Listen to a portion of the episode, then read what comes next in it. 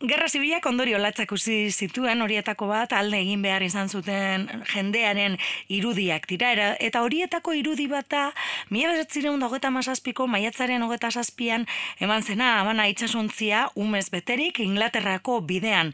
Gerra zibila zela eta Inglaterrara joandako umeak ziren. Lau mila bat aur gurasorik gabe bakarrik eta atzerrira alde egin behar e, izan zuten. Eman liteken argazkirik eta tristenetako bat da eta soritzarrez gaur egun ere oraindik ere askotan ikusten ditugu. Larogei urte bete dira irudi horietaz eta maiatzaren bian askuna zentroan hitzaldi bat egongo da. British konsulek antolatuta izango da hitzaldia batez ere ba gogora ekartzeko ume hoiek zer bizi e, zuten eta hitzaldia ingelesez izango da British konsulek antolatuta eta Carmen Kilnerrek emango du hitzaldia. Honen berri emateko rouen daukagu e, gure gurekin, Bilbo iria irratian, haupa arrouen. Ai, haupa, ane, zelan zaz. Ondo, ondo. Esan dugu, ez? E, Carmen Kindler e, etorriko dela, ez? Itzaldia ematera, e, bueno, ba, pizka bat gertakari hori, e, hori ekartzeko. Konta iguzu pizka bat, kokatu egiguzu? Bai, e, Carmen Kindleren ama, Inglaterra joan zen, La Habana bakuan, berazan ume bat, zan e, irakasle bat. Mhm. Eta, bueno, gera maitu eta gero, han geratzea aukeratu zuen, eta kamen jaio zen. Mm Eta orain, kamenek egiten du lana, asoziazio baten, eh, Basque Children of 37 deitzen da. Eta, bueno, bierak, itzaldiak, eta ekintzak antolatzen ditu. Elkarteak egindako lanaz mintzatuko da, beraz, gertakari hoiek nola izan ziren garai horretan, larogei urte bete diren honetan? E, uste dut, e, orokorrian getatu zenari buruz hitz egingo duela, e, eta bere amaren historioa e, bebai kontatuko du.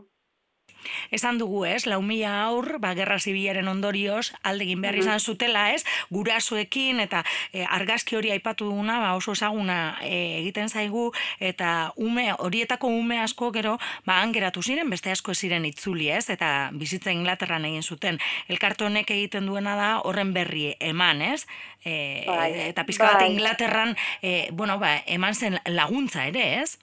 Bai, bai, bai, hori da.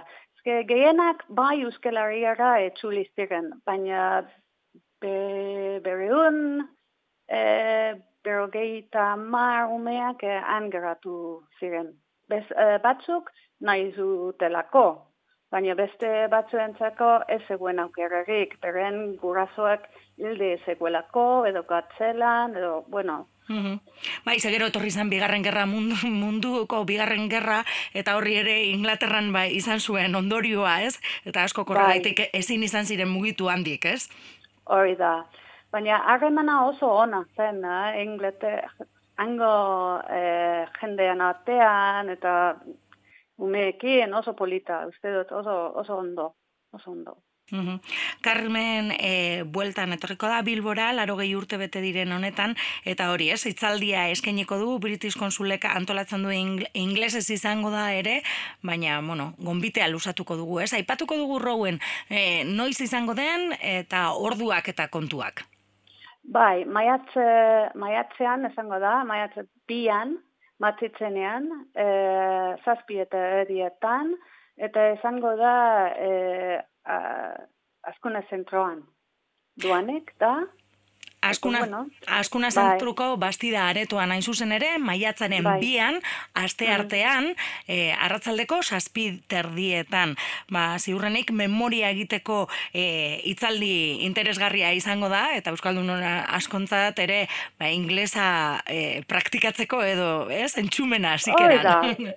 elkarrekin egoteko, e, gehiago jakiteko, uste dut oso polita esango da, esango dela. Ba, itzordua aipatuta gogora ekarriko dugu, da, aste artean, maiatzaren bian, ba, esan dakoa ez, e, gerra zibilean alde egin behar izan zuten ume hoien historiak ekarriko dituztela gogora, Carmen e, Kilnerren e, itzaldi hortan askuna zentroko bastida aretoan, arratzaleko saspiter dietan. Eskerrik asko, Rowen? Eskerrik asko, Anne. Bai. Bai, agur, agur.